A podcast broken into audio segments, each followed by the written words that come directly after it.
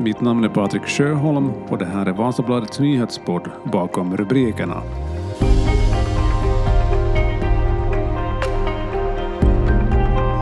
Idag i podden ska vi diskutera att flera inhemska festivaler ställer in på grund av dålig biljettförsäljning. Tillsammans med Herman Hagnäs pratar vi om en musikbransch som söker sin form efter coronapandemin. Men före det ska vi prata om semester. Om du som jag sitter och funderar på vad man ska göra på sin semester och dessutom göra det klimatsmart, då ska du lyssna de här kommande minuterna på poddens första gäst, Rosa Mikkola på Marta-förbundet.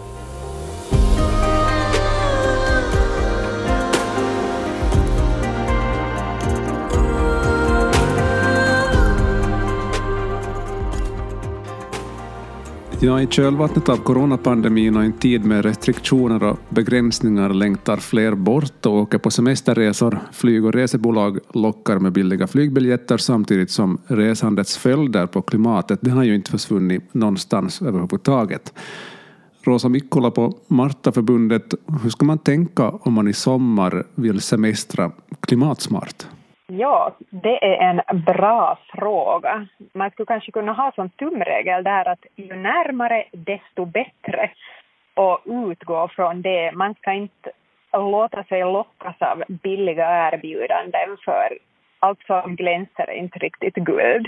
Med tanke på att coronapandemin, vad det har, allt vad det har medfört, att det är väl helt förståeligt att man längtar bort och kanske söker lite nya intryck och, och, och liksom hela den biten. Att hur tycker du man ska förhålla sig till att flyga till till exempel semesterorter? Jag, alltså min personliga åsikt är att i, i dagens klimatkris som vi har på gång så det är ju inte hållbart att flyga någonstans. Att man skulle, man skulle jättegärna få titta att vad finns det egentligen som man skulle kunna uppleva här i, i det egna landet, i närmare regioner. Um, det är ju självklart att och jag medger att jag har också själv upplevt det på det sättet att för att komma bort och uppleva någonting nytt så måste jag ta mig så långt bort som möjligt och det ska mm. vara exotiskt och det ena och det andra. Men, men jag skulle liksom önska att till och med tack vare corona då när man inte har rest utomlands, att man har kanske fått ögonen upp för det här som vi har här i det egna landet eller runt omkring Finland, att man kan faktiskt uppleva otroliga saker i vårt eget land och egentligen för att liksom komma bort från, från det här arbetet och lite koppla av så det räcker ju bara att du går liksom ut ur din hemdörr och lämnar den där datorn och arbetstelefonen hemma och kommer i en ny miljö men det behöver inte nödvändigtvis vara i Italien eller i Thailand. Att det kan mm. du kanske också hitta hitta 50 kilometer eller 300 kilometer borta hemifrån. Så där finns också den grejen att man kan tänka på det här att det är ju äh, skönt att stödja den inhemska ekonomin eftersom den har faktiskt lidit, och speciellt turismbranschen. Så ur ett, ur ett vad heter, samhällsperspektiv så är det ju också bättre att, att använda de där pengarna inom det egna landet och främja vårt liksom, välmående här än då att ta de där pengarna till ett annat land utanför våra gränser. Och Mm, Mm, om man tänker på finländarnas koldioxidavtryck så då såg jag att man har mätt det för några år, år sedan då det kommer just till färdsätt så då är det bilen som man rör sig mest med som, som finländare eh, däremot då följt av flygresor. Jag tänker att i den här diskussionen det är mycket prat om klimatkompensation och sådär. att är det, är det ett alternativ om man ändå skulle vilja flyga någonstans eller hur ska man tänka kring det där? Uh, ja, överlag kanske vi kan diskutera klimatkompensation sedan helt som sitt eget, ja. eget tema. Det har ju varit ganska hett kring den, den vad heter det, grejen här under de senaste dagarna faktiskt. Men att uh, ja, det stämmer att, att vad heter det, en stor del av, av våra utsläpp som vi åstadkommer kommer ju faktiskt från bil och, och vad heter det, tåg lika så. Och det som man skulle kanske som jag tror att man inte har riktigt också förstått att det här, finländarna brukar ju ofta gärna åka färja och det har ju också faktiskt faktiskt egentligen relativt stora utsläpp och jag tror att det, det tänker man inte ofta på. Så mm. jag skulle, min rekommendation skulle vara den att, att vad heter det, man tar endera den där egna bilen och packar den full med folk eller det helt bästa alternativet skulle ju vara det att man man reser någonstans med bussen eller med tåget och här skulle jag faktiskt gärna lyfta upp att till exempel VR har ju tagit fram den här sommarsemester tågbiljetten där du får välja Uh, till exempel att du köper en biljett som gäller uh, eh, 14 dagar och så får du resa omkring i Finland 14 dagar för ett visst pris med tåget så mycket som du vill, till vilket mm. ställe som du vill. Och det är en helt fantastisk sak och faktiskt förmånlig. Och när man funderar nu på det att man kan liksom resa med barn så de reser sen för halva priset av den här biljetten. Så det är faktiskt någonting som man skulle kunna fundera på och kanske också komma bort från det här att att, att den där resan sker sedan när du är där framme, att det är den där mm. upplevelsen. Utan att man skulle kanske lite fundera på det här att resan kan ju egentligen redan börja då, när du går ut ur ditt hem. Att tar du till exempel tåget, så då är ju hela tågresan redan en upplevelse i sig. Att det mm. behöver inte vara där att du kommer fram och där börjar du sedan ha dina olika aktiviteter. Om man tänker just klimatkompensation som du sa, det har varit mycket i, liksom på tapeten de här senaste dagarna bara. Och nu när man då sitter och kanske funderar på vad man ska göra på sin semester, finns det något verktyg man skulle kunna använda för att um, räkna ut att hur ser, hur ser mitt koldioxidavtryck ut just nu? Ja, eh, det finns faktiskt riktigt bra verktyg för det här. Om man vill utreda hur liksom det där dagliga eller årliga eh, koldioxidutsläppet ser ut som man själv producerar så finns det till exempel en sån här svensk sida som heter climatehero.se och där har du möjligheten att räkna, räkna ut ditt koldioxidutsläpp för ett år och det, det skulle jag faktiskt varmt rekommendera eftersom då, då får man riktigt bra koll på det här att hur man egentligen själv påverkar klimatet och man ser också direkt och får förslag på att hur du hur du skulle kunna minska dina utsläpp. Och sedan också sen med tanke på liksom om man vill beräkna att hur, vilka koldioxidutsläpp semestern kanske skulle åstadkomma. Så då finns det en annan fantastisk svensk sida som heter klimatsmartsemester.se och där kan man ge in en rutt, olika färdmöjligheter, ange antalet personer som reser? Och då beräknar den här sidan åt dig att vad är de där utsläppen som uppstår av din semester? Och då har du ju direkt den där möjligheten att fundera att okej okay, att kanske jag byter ut det där färdesättet till en annan, kanske jag övernattar på ett annat sätt än vad jag hade tänkt. Och då kan du liksom dra ner på utsläppen av din semester. Och det skulle jag personligen säga att är det där bättre sättet att fundera kring sina koldioxidutsläpp på semester och på vardagen än att ta stöd av de här olika klimatkompensationsmetoderna som till exempel olika bokningssidor erbjuder. Att det, det har man ju under de senaste dagarna fått uppleva att det kanske inte riktigt pålitligt. Så det bästa sättet att minska minska egentligen det att man minskar i sin vardag, då blir man inte heller tvungen att kompensera för det mm. som man gör. Ja, själva färdsättet är ett sätt att tänka klimatsmart och rent av den största biten om man ser på finländarnas koldioxidavtryck rent generellt. Men där, vad man då gör, alltså vad man gör på sin semester, hur kan man tänka där? Ja, där, där vad heter det, kan man egentligen redan börja den där planeringen hemma um, sådana små saker. Att, okay, att om, gäller det att du ska boka hotell, Sitter du att du bokar ett grönt hotell. Uh, här får man såklart vara lite försiktig. Det finns ju en hel del greenwashing i branschen, men att liksom man tittar att man väljer ett hotell där de, där de kanske till och med talar om, om sina värderingar och att, att de liksom tänker på miljön i sin verksamhet. Det är en viktig, en viktig sak. Och sedan när man är där på plats så fast det inte där under till exempel en veckas resa har tidsförslutningen så stor betydelse. Men ur princip, då skulle jag igen säga här att då ska man tänka att man äter mat i säsong, lokala råvaror.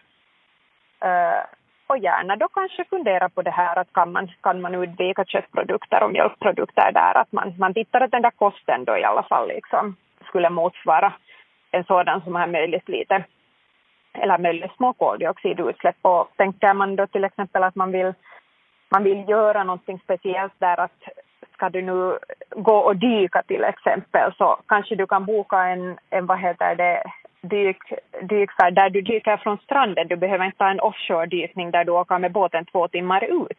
Att mm. kanske du kan liksom fundera där att skulle det finnas någon annan möjlighet. Och sen, sen när du är på plats så naturligtvis kanske undvika det där bilhyrande.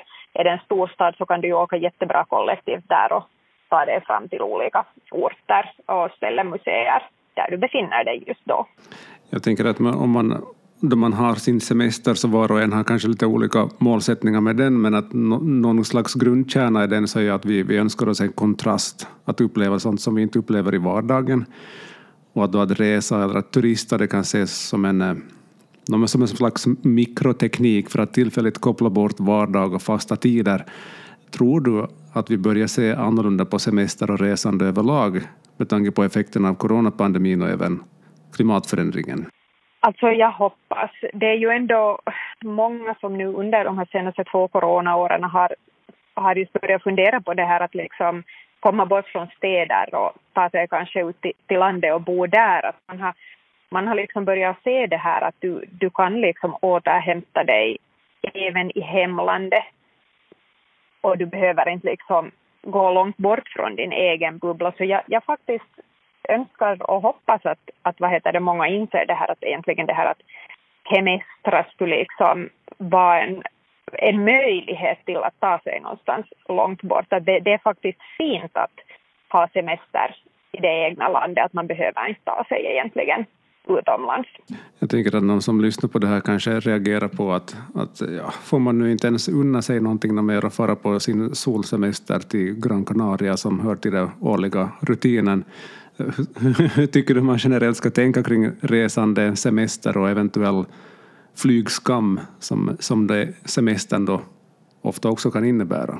Alltså, man ska absolut få unna sig någonting, det ska man ju få göra, men att liksom kanske det gäller att fundera på det där att vad är liksom det där vad, som man behöver, det där speciella extra, att måste faktiskt komma någonstans långt bort och får du kanske den där solen också här, här hemma, att det, det, finns ju fantastiska stränder också i Finland. Ja, okej, okay, det är inte kanske, du kan, det kan vara svårt att pricka in plus 30 grader för just den där veckan då du har semester, men att mm. det finns nog, det finns nog en hel del lyx som vårt eget hemland också har att erbjuda. Vad skulle ditt nummer ett tips vara för den som funderar på sommarsemester nu? Om inte jag skulle redan ha färdiga sommarplaner så skulle jag ha, ja. vad heter det, jag skulle ha köpt det där tågkortet till, till VR och åkt runt omkring i Finland med tält. Det skulle ha varit liksom det som jag skulle ha gjort. Och annat alternativ säkert skulle ha varit att ta cykeln och, och vad heter det, fara till Åland och, och cykla omkring där. Att det skulle, jag tror att det skulle vara de två som jag skulle tipsa mest om. Tusen tack ska du ha för det här, Rosa Mikkola. Tack. Nyhetspodden bakom rubrikerna fortsätter strax.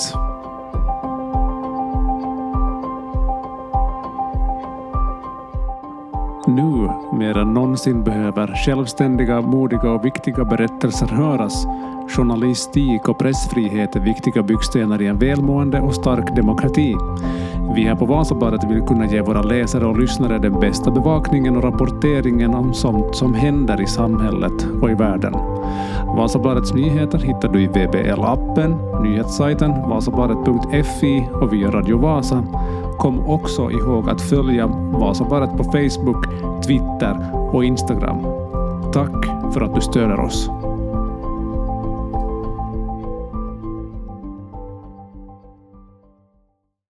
Då ska vi här i bakom rubrikerna gå vidare till ett helt annat ämne som är högaktuellt när vi står på tröskeln till sommaren. Coronapandemin har under de här två senaste somrarna orsakat inställda konserter och festivaler och nu igen verkar många arrangörer välja att ställa in festivaler men av helt andra orsaker än tidigare. Herman Hagnäs, vi är vana att höra dig i Radio Vasas morgon och eftermiddagssändningar, men du är ju också artist och uppträder med ditt band Guns Rosor. Hur skulle du säga att musikbranschen mår just nu? Vi lever nog en liten svacka kanske nu, fast allting börjar öppna upp igen och artisterna är ju tagga på att komma ut igen. Men, men det är nog ännu ett stort problem så är det nog att, att publiken har inte hittat tillbaka. Mm. Till, till riktigt... Vissa evenemang så har publiken hittat tillbaka, kanske ungdomarna eh, har hittat för det mesta för att de har den här eh, under ungdomstiden så har man helt enkelt en, en så stark vilja att vara ut, mm. träffa kompisar, träffa vänner. Men sedan, ska vi säga, an, an, andra evenemang och sådana så har nog lidit av en, en, ett publikbortfall Mm. på cirka 30 procent, 30-40 procent ungefär.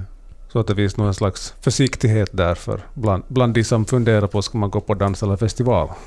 Det finns nog en och, och kanske försiktighet men sedan också en sak som man kanske behöver lyfta fram så det är ju det att man har blivit van att sitta hemma. Ja.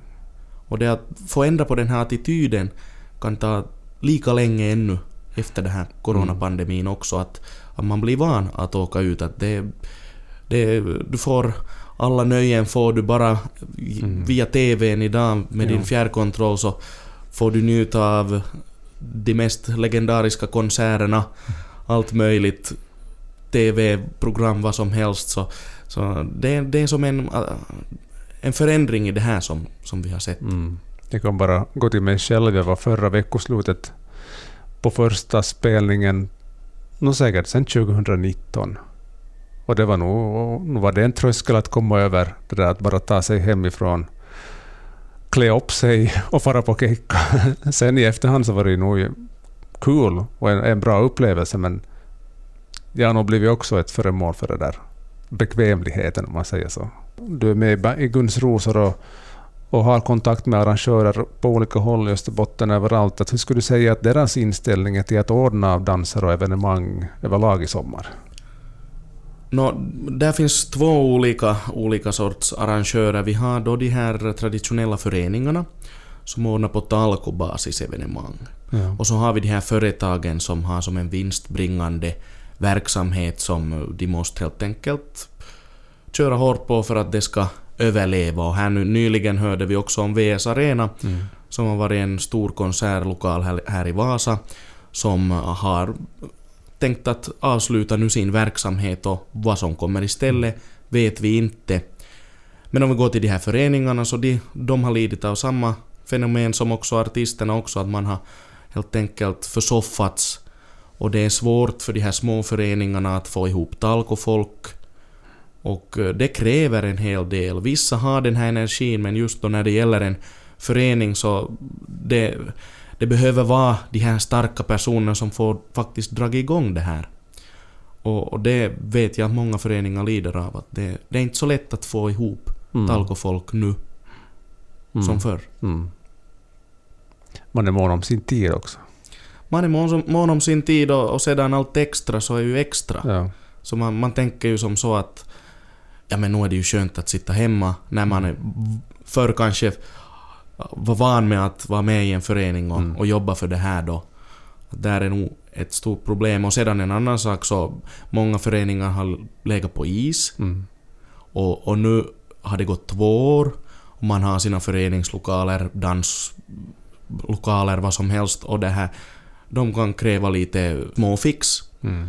Så det, det, det är väldigt stora, stora saker att jobba med inom föreningarna också så det, där har vi nog att jobba på lite. Det kan ta sin tid, kanske två år ännu, innan vi återhämtar oss riktigt Mm. ordentligt. Mm.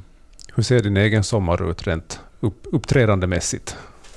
Mm, jag kan nog säga att om vi jämför med en vanlig sommar så har vi också 30% av spelningarna borta. Mm. Att för tillfället så har vi en, två spelningar per månad. Och eh, när vi ha- hade som mest under 2018 så då hade vi till och med 8-9 spelningar då det var som brådast Mm. per sommarmånad. Okej. Så att där är nog en väldigt stor del borta. Ja, verkligen ja. Och det här det är, det är mindre ställen, de här riktigt små ställena, de har fallit bort. Och om de kommer tillbaka, det blir intressant att se, men det är nog så att i och med corona så är nog en del ställen har, har försvunnit. Mm. Precis. Lokalt sett så ordnas det ju flera festivaler i sommar och så sent som i tisdags så meddelade Vasafestivalen flera nya artister.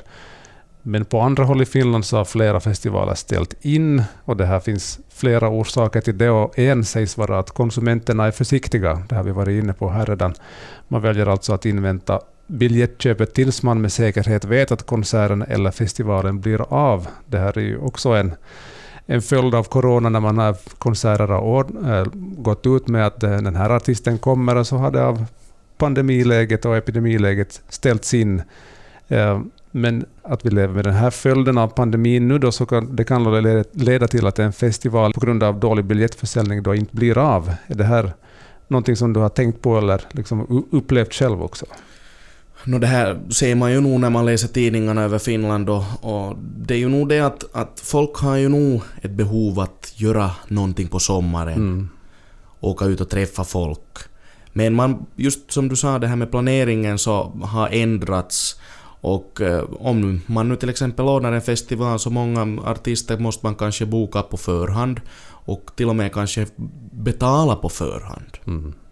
Och ifall biljettförsäljningen sviker då så det blir ju väldigt svårt då helt enkelt för arrangören att uh, ta den här risken att vänta faktiskt till sista dagen mm. innan man vet och därför vet jag att en del arrangörer har ställt in för att man har inte helt enkelt vågat satsa och det är ju stora, speng eh, stora pengar i spel också. Mm. Och det här, det, det märks ju nog också, absolut. Mm. Så det, det är nog en eh, intressant tid för arrangören. Det är ingen guldtid för tillfället åtminstone. Nej, precis. Men det kommer väl nog att komma tillbaka. Vad, vad och när, det vet, det vet vi inte. Svårt att säga. Mm. Och sedan en annan aspekt också som tycker är intressant att lyfta fram att vi, vi ser också ett brytningsskede ja. i musikbranschen. Och det är det att eh, de artisterna som alltid har dragit folk förr, ja. som börjar bli till åldern kommen, att ska vi säga eh, må, många artister är över 70 år idag. Och eh, det är de som faktiskt får samlat den här stora breda skaran, kanske till och med tre generationer. Om vi tar The Rolling Stones som ett exempel, som fyller faktiskt 60 år i år. Mm. Mm. De drar till och med mummor och muffor, ja. föräldrar, barn, barnbarn. Mm. Och de får samlat den här stora mängden folk, 50-60 tusen. Ja. Vilka artister som i framtiden kommer samla. Okej, vi har Ed Sheeran, vi har några sådana här riktigt, riktigt stora fenomen också. Ja. Men de blir mindre. Mm. För att uh, musikbranschen var ju kanske som störst under 60, 70, 80-talen. Mm. Och de artisterna som drog fullt hus på 80-talet drar fullt hus ännu idag. Ja. Men uh, vad som kommer att hända i framtiden söker folk nya sätt att helt enkelt uh, underhålla sig. Ja. Mm. Och, och, just i och med... Många lyssnar ju på gammal musik, 80-talsmusik är lika aktuell idag som det var på 80-talet mm. nästan, för vissa. Mm. Och till och med för ungdomar. Det är vissa låtar som man plockar och man får ju via Spotify också de här låtarna är ju användbara och tillgängliga och, och på det viset. Och det, det, blir intressant att se. Musikbranschen och evenemangsbranschen är nog i ett brytningsskede. Mm. I och med corona. Mm. Det är intressant det där med artisterna. Det, jag kan ha fel och jag hoppas att jag har fel, men det känns som att de artister som är stora idag, jag har på något sätt svårt att säga att, att de skulle hålla på i 60 år. Att de skulle hålla på i 60 år framöver och ha den här stora spelningen som fortfarande drar 50-60 tusen till arenorna. Jag vet inte, det känns som att musikbranschen har blivit så pass annorlunda att det, jag vet inte, kommer vi att se det? Jag håller, håller lite med dig där också. Ja. Jag hoppas också att, att vi har fel, vi som sitter ja. här och poddar. men att, att det här... Det är nog intressant att se för att allting går så snabbt idag. Ja. Det finns som sagt festivaler i Finland som redan har ställts in på grund av den här dåliga biljettförsäljningen som vi var inne på. Det har nämnts bland annat Tampere Picnic, Kuopio Soy och Rock the City i Helsingfors. Känner du till om det finns fall här i Österbotten där det också har gått på det här viset, att man helt enkelt säger att nej, det här blir inte av för vi har inte sålt tillräckligt med biljetter. Nå, ett exempel här nu i början av eh, våren här nu så var ju Vikingarna till exempel. Ja, just det. Vikingarnas turné som var tänkt i början av maj nu. Mm. Ska vi säga sådana här mindre, mindre konserter så har ju nog ställts in. Mm.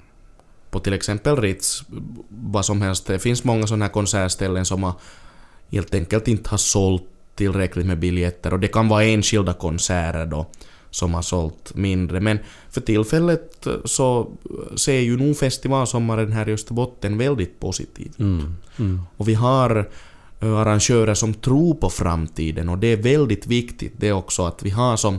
Man vågar tro våga vänta i sista sekund. Och, och det, är ju nog, det är ju nog det som det kräver det här också. Mm. Och det vet jag ju själv när jag har hållit på med musik så länge här i Österbotten också att, att österbottningarna är från förr också vana med det. Att man köper inte på förhand. Mm. Så det kanske vi har som en liten fördel här Ja, i. Österbotten, att vi är vana med det. Också arrangörerna att Ja. vi vet att det kommer folk ändå, men vi får inte såld nå på förhand. Man be- be- bestämmer sig samma dag eller samma vecka. att Precis. man- Ja. Och det, det är ett fenomen som vi har varit kända för redan länge.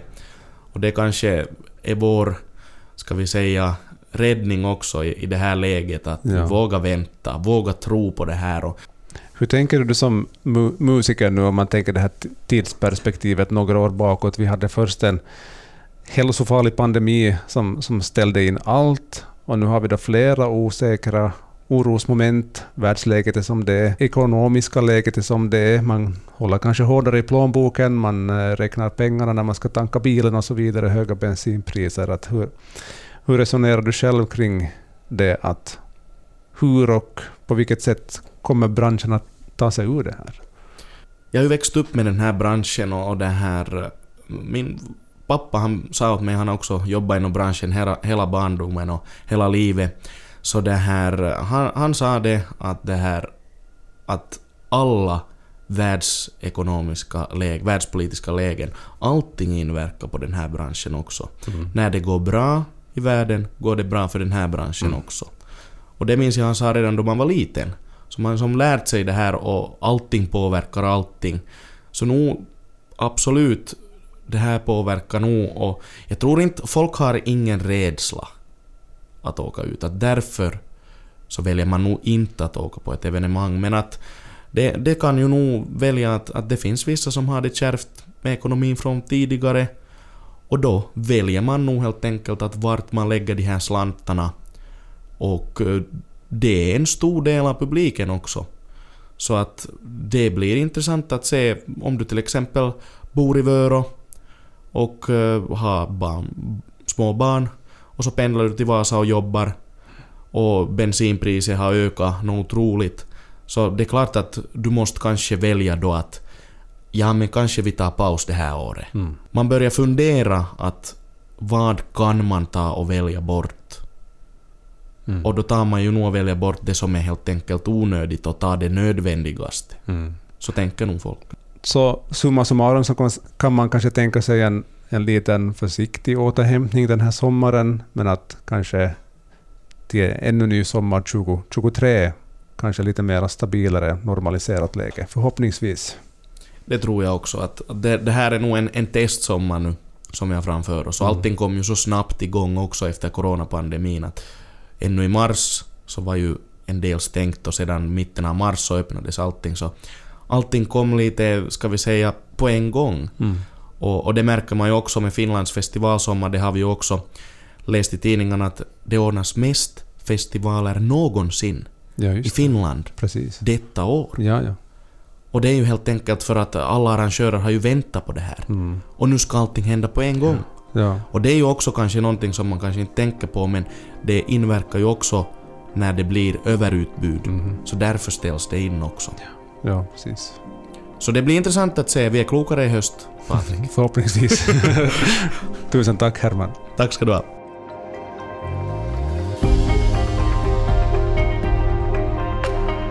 Du har lyssnat på nyhetspodcasten Bakom rubrikerna, en podcast från Vasabladet. För intervjuer, klipp och produktion står jag, Patrik Sjöholm. Nu har du som lyssnar och inte är prenumerant möjlighet att prova på Vasabladet en månad för endast en euro. Det ger dig tillgång till allt innehåll på nyhetssajt och i VBL-appen. Allt du behöver göra är att söka dig till adressen vbl.fi podd. Det var allt för den här gången. Stort tack för att du tog dig tid att lyssna. Vi hörs igen nästa torsdag. Ha det gott!